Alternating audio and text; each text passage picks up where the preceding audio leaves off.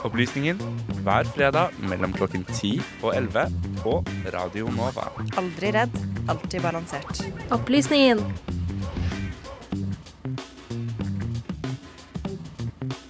Kunstig intelligens er et litt fjernt begrep. Kan maskiner virkelig være intelligente? Hva betyr intelligens? Burde vi være redde for at roboter og datamaskiner tar alle jobbene våre i fremtiden? Jeg tok en tur til Høgskolen i Kristiania for å snakke med doktor Morten Irgens om all denne problematikken. I forrige uke ble jeg vist en video av en kompis hvor tematikken var kunstig intelligens. Videoen heter Multi-Agent Hide and Seek og er publisert av OpenAI. Denne videoen inspirerte meg. Jeg ville lære mer om fenomenet kunstig intelligens. Jeg måtte til en ekspert. Jeg er Morten Irgens, dekan og utviklingsdirektør på Høgskolen Kristiania. I fjor så startet jeg uh, sammen med to kolleger i Europa en organisasjon som heter uh, Confederation of Laboratories of AI Research in Europe, kortet CLAIR. Tagelig verdens største samling, nettverk av kunstig intelligensforskere. Og så tok jeg også initiativ til å sitte i styret i det, noe som heter NORA. Og det er uh, Norwegian Consortium of AI Research. Og der, der, samler vi sju universiteter og to forskningsinstitutter som arbeider med kunstig intelligens i Norge, for å kunne bygge opp kunstig intelligensforskning. Og for at norske regjeringer skal kunne ha noen å snakke med. Jeg spør Morten om hvorvidt maskiner virkelig kan være intelligente. Spørsmålet er jo hva er intelligens? Uh, altså skal vi spørre om hva vi stiller spørsmål om hva kunst kunstig intelligens, så må vi først svare på spørsmål om hva intelligens er. Mm. Og, og søren, men det har vi jo ikke svart på.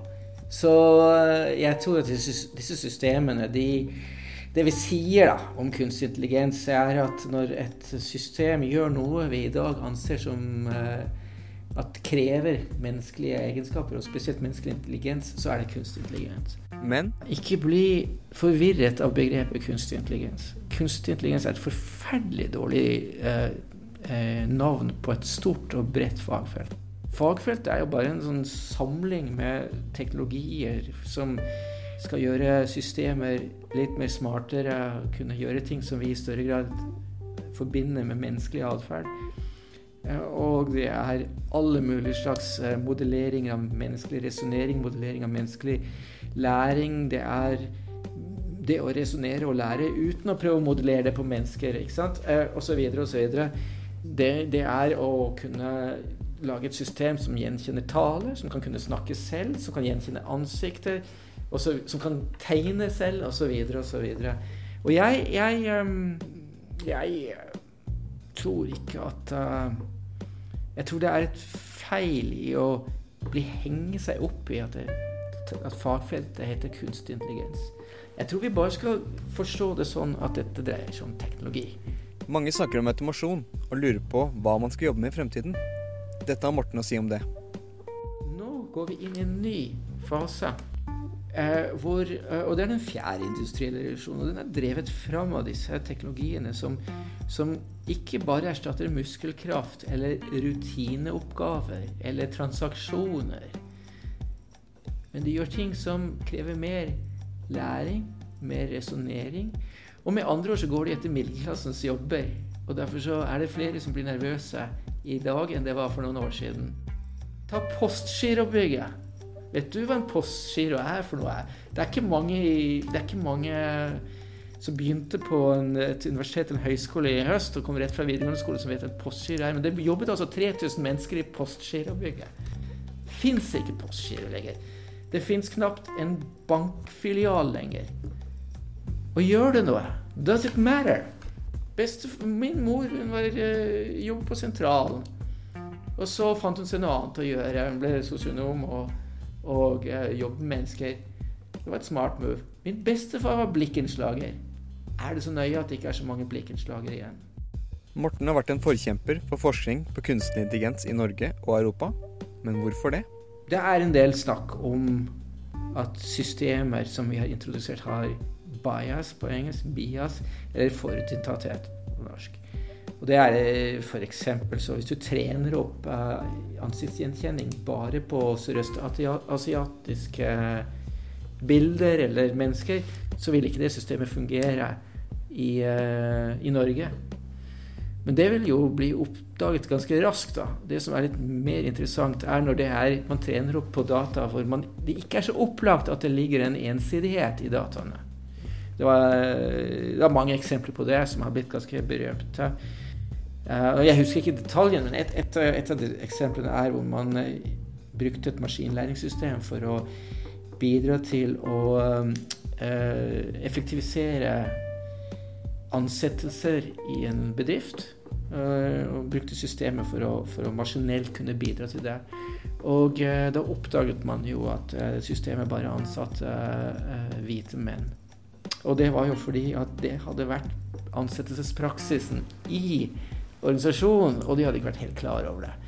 For øyeblikket er det altså slik at en liten gruppe mennesker lager kunstig intelligens vi andre må interagere med på daglig basis. Har dette noe å si for måten vi er mennesker på? Det spørsmålet du stilte meg om eh, i hvilken grad en liten klikk av dataprogrammerere definerer vår måte å tenke på, eh, og definerer hvordan vi skal leve, ja, den løfter jo opp og sier ja, det er, det er riktig, det. Um, det er ikke så mange av dem. Og de sitter ikke nødvendigvis i Europa. Og det har et, et poeng, fordi Norge og de europeiske landene har kanskje en annen måte å tenke på samfunnet på.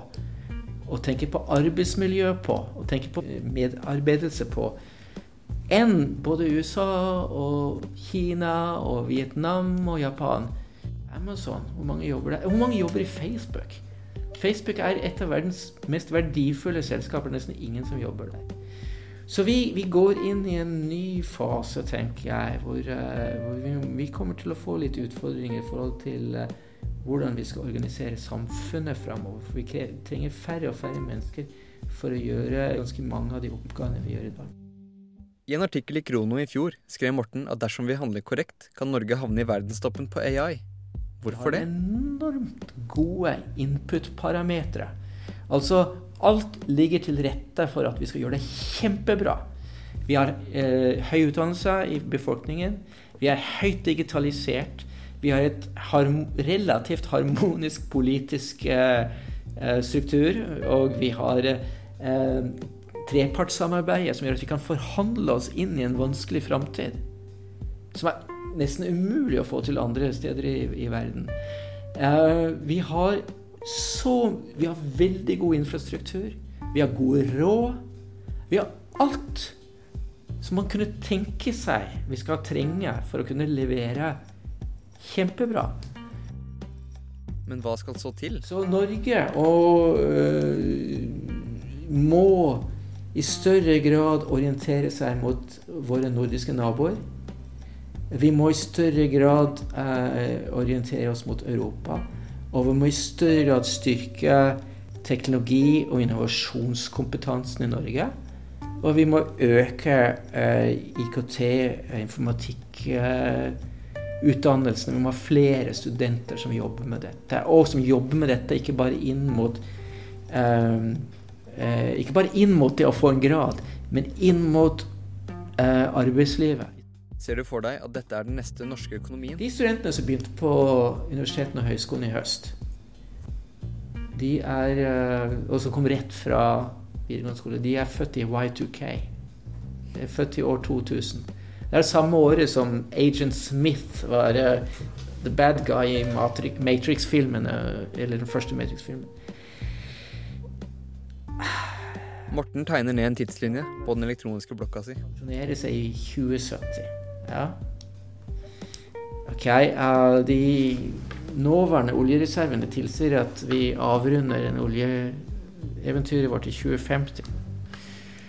Så de studentene skal jobbe i 20 år til etter at det er avrunda. Og egentlig burde vi hatt avrunda den oljeeventyret før den tid, av andre grunner. Vi skal i de neste årene gjennom en transformasjon av økonomien vår. Den norske økonomien er en sofistikert teknologisk økonomi, men den er råvarebasert. Den er drevet fram av behovene i, i råvaresektoren i stor grad. Så vi mangler, vi mangler det innovasjonsøkosystemet som uh, er klare å knytte sammen offentlig, næringsliv, universiteter, entreprenører og investorer. Jeg skal avslutte med noe Morten sa, som jeg syns var veldig kult. Ikke skille teknologi fra dagens samfunn i dag. Vi, vi lever i det. det. Det er Teknologi blir usynlig, Den forsvinner inn i veggene. Vi begynner å snakke til, eh, til eh, telefonen vår, ja, og vi begynner å snakke til leiligheten vår, og, og plutselig så, så har teknologien trukket seg i bakgrunnen, og vi legger bare merke til den når den uh, ikke virker. Men det betyr altså også at teknologi har injisert seg i blodet vårt. Så når jeg sier en teknologisk økonomi, så mener jeg at det betyr livene våre.